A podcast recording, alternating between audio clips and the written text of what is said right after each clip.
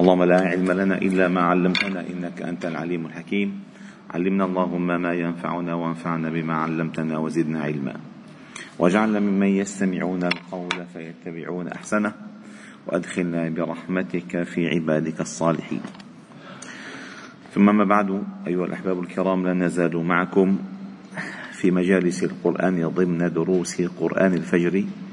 وقد وصلنا إلى قوله تعالى في سورة آل عمران وسارعوا إلى مغفرة من ربكم وجنة عرضها السماوات والأرض أعدت للمتقين الذين ينفقون في السراء والضراء والكاظمين الغيظ والعافين عن الناس والله يحب المحسنين والذين إذا فعلوا فاحشة أو ظلموا أنفسهم ذكروا الله فاستغفروا لذنوبهم ومن يغفر الذنوب إلا الله ولم يصروا على ما فعلوا وهم يعلمون. قلنا أن هذه الآيات أتت في سياق ذكر غزوة أحد. فذكر الله جل جلاله المنهيات المنهيات التي توقع في الهزيمة وفي الخسران وفي الندم وفي الحسرة. وأولها أولها اعتداء على حدود الله تعالى وأخطرها بعد الشرك بالله أكل الربا أي أكل حقوق الناس. والتحصين أيها الأحباب الكرام التحصين الحقيقي من ذلك أن يعلم الإنسان أن يعلم الإنسان صفات أهل الجحيم حتى لا يكون منهم. فالله تعالى قال واتقوا النار التي أعدت للكافرين. فعندما يقول الله لك اتق النار التي أعدت للكافرين فتلقائيا تريد أن تعرف ما هي النار وما هي صفات الكافرين حتى استحقوا أن يدخلوها. اتقوا النار التي أعدت للكافرين. أي إياك أن تكون مثله. والتحصين وأطيعوا الله والرسول لعلكم ترحمون. طيب أين الميدان؟ أين الميدان في تطبيق كل ذلك؟ قال وسارعوا إلى مغفرة من ربكم. وجنة عرضها السماوات والأرض أعدت للمتقين. هناك نار أعدت إلى الكافرين هنا الجنات التي عرضها السماوات والأرض أعدت للمتقين. والمسارعة أيها الأحباب الكرام لأن الإنسان في خسر. والعصر إن الإنسان لفي خسر. والعصر هو الدهر هو الزمان الذي تعيش أنت فيه. فكل إنسان حتى يصح أن تكون له حياة لابد أن يكون هو بالأصل موجود موجود. ويجري عليه الزمان ويستقر في مكان. فنحن في الدنيا يجري علينا الزمن ونحن فيها. طيب أكبر سؤال أكبر سؤال ينبغي للإنسان أن لا يغيب عن ذهنه أبدا. لماذا أنا خلقت؟ ولماذا وجدت في هذا المكان؟ ولماذا يجري عليه الزمان؟ لماذا؟ هذا الزمان يأكل مني وما فاتني لا أستطيع أن أتداركه.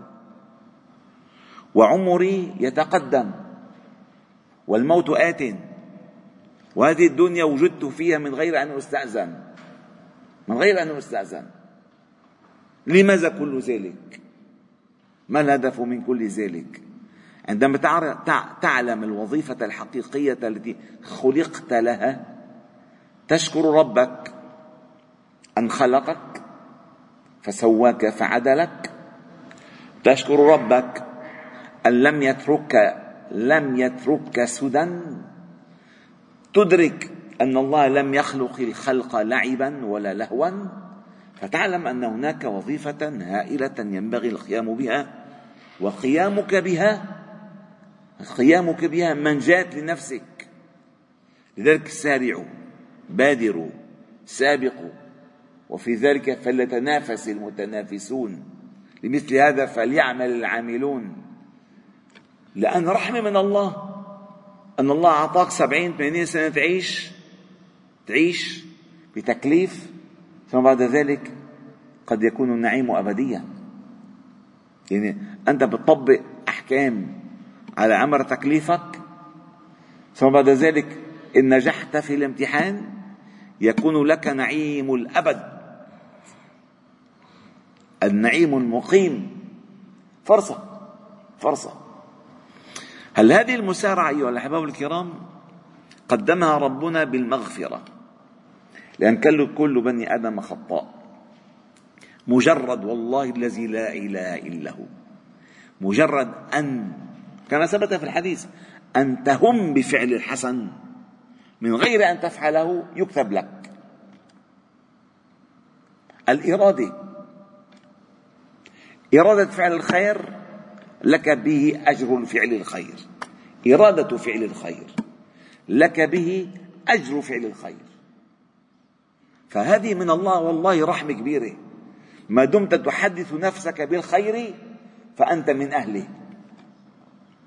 أنت من أهله. تحتاج إلى إلى غسل دائم دائم دائم إلى مغفرة.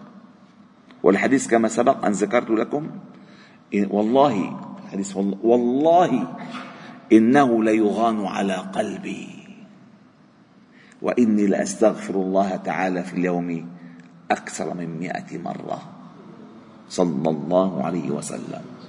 النبي النبي يغان على قلبه.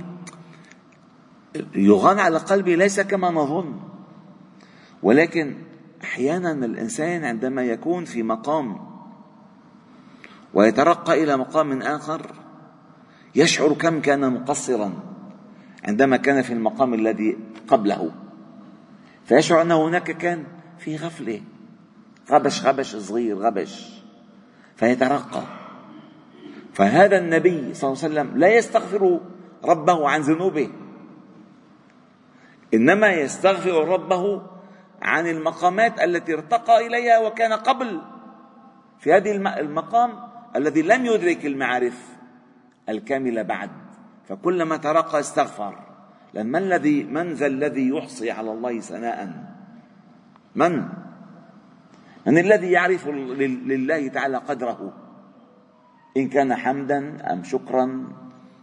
من؟ لا أحد يستطيع. فنحن كلنا مقصرون. فلما الله يقول سارعوا إلى مغفرة من ربكم هذه المغفرة هي التي تؤهلكم أن تدخلوا الجنات. الجنة التي عرضها السماوات والأرض أعدت للمتقين وتكلمنا عن العرض.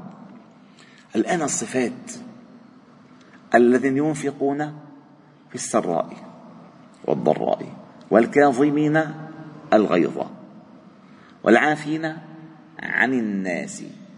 والله يحب المحسنين.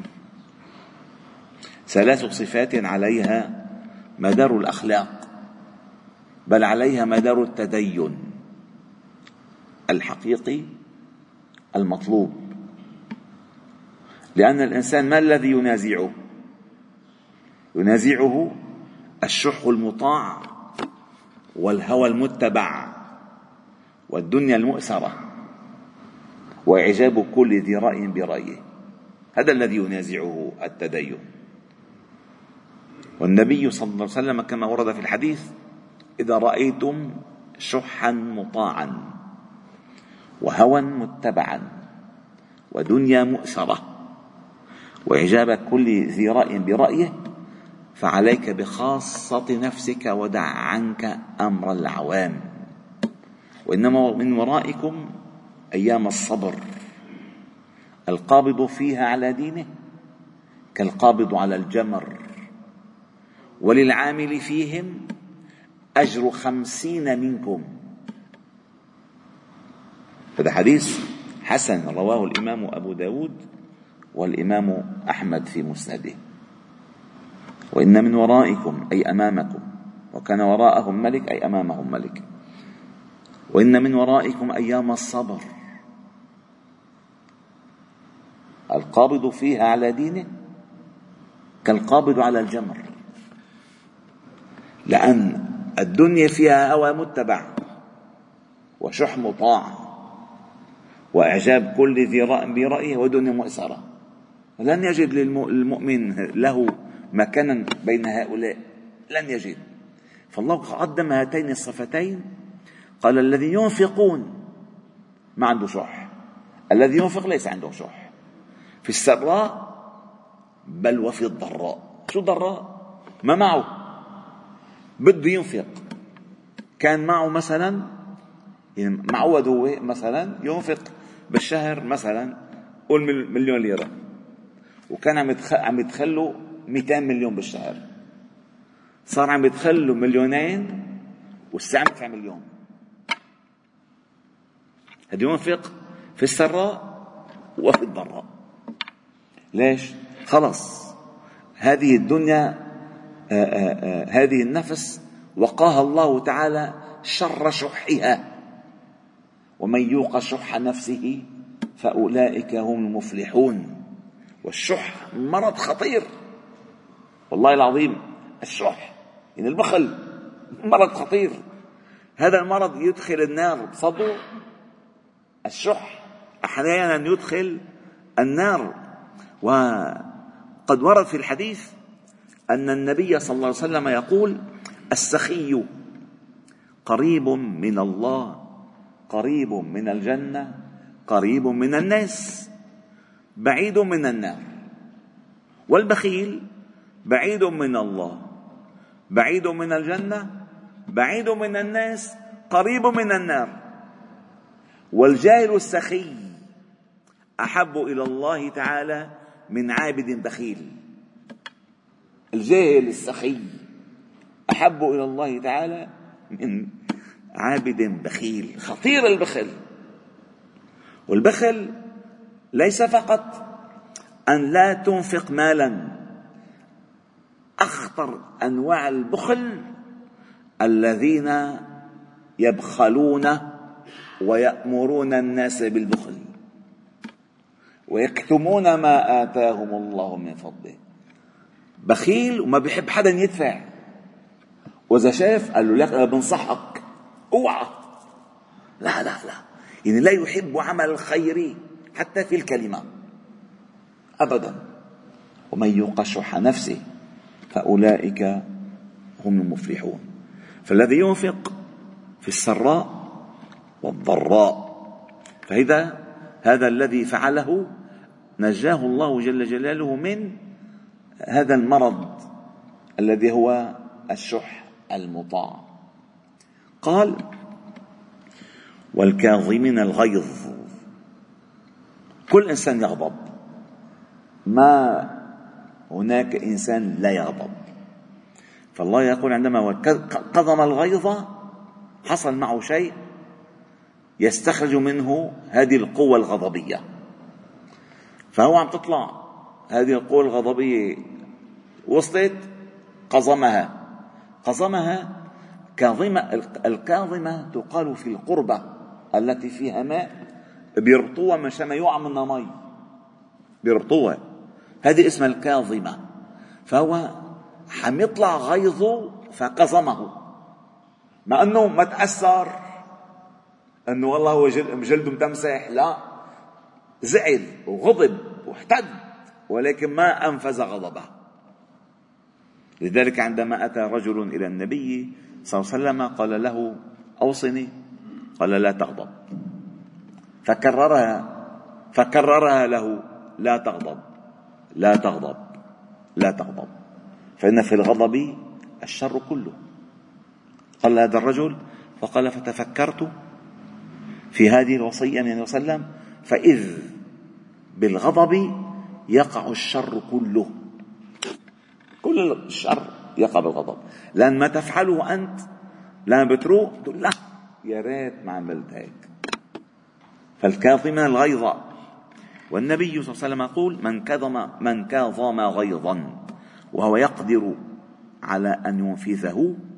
دعاه الله يوم القيامة على رؤوس الخلائق حتى يخيره. أي الحور العين شاء. انكظم غيظا. خباه وفعلا الواحد الإنسان أيها الأحباب الكرام يعني هي صعبة. ولكن من تدرب عليها وجد خيرها. وجد خيرها وهذا الخير أيها الأحباب الكرام يتعدى لا لنفسه يتعدى لغيره. لأن هذا الغيظ يحكمك والغضب هو قوة شيطانية. فعلا الغضب هو قوة قوة شيطانية ليست قوة إنسانية. ولكن عم نحكي عن الغضب لنفسه. أما إذا إن انتهكت حرمات الله أو تعدي على حدود الله وهو رايح هذا شيطان. شيطان وإن لم يغضب. شيطان وإن لم يغضب. وقد ذكر الإمام الشافعي رحمه الله تعالى قولا له توجيه أكيد. قال من استغضب فلم فلم يغضب. من استغضب من استغضب فلم يغضب فهو حمار. ومن استرضي فلم يرضى فهو شيطان. يعني الإنسان بيغضب وغضب الإنسان الأصل لله. كان النبي صلى الله عليه وسلم إذا انتهكت حرمات الله غضب غضبا لا يقوم له أحد. ما أحد يستطيع أن يكلم يكلم يكلمه منا أبدا. هذا في سبيل الله الغضب. لا بنفسه لك شو حكي علي؟ طيب والله غلي غلي. طلع لقى محل ما حضر سيارته. اجى على الجامع مثلا اجى على الجامع. على الجامع عوين على صلاة الصبح بالصف الأول. اجى لقى محل ما مصف سيارته بالعادة واحد أول مرة بيجي على الجامع حط سيارته وفات على الجامع. مين هذا اللي حط سيارته مينو؟ وبلش يعيط لك شو بك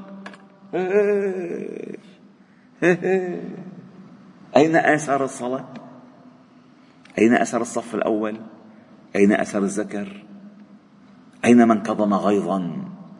أين من. وهذا وهذا في نفسك في في خاصة نفسك. ليس لله. لا لم يأخذ لك مالا. لم ينتهك لم ينتقص من عرضك. لم لم لم لم. هذا غضب في غير محله. فلذلك الله تعالى قال الذين ينفقون في السراء والضراء والكاظمين الغيظ والعافين عن الناس. والله يحول المحسنين نتكلم عن العفو عن الناس في الجلسة القادمة بإذن الله تعالى والحمد لله رب العالمين. سبحانك وبحمدك.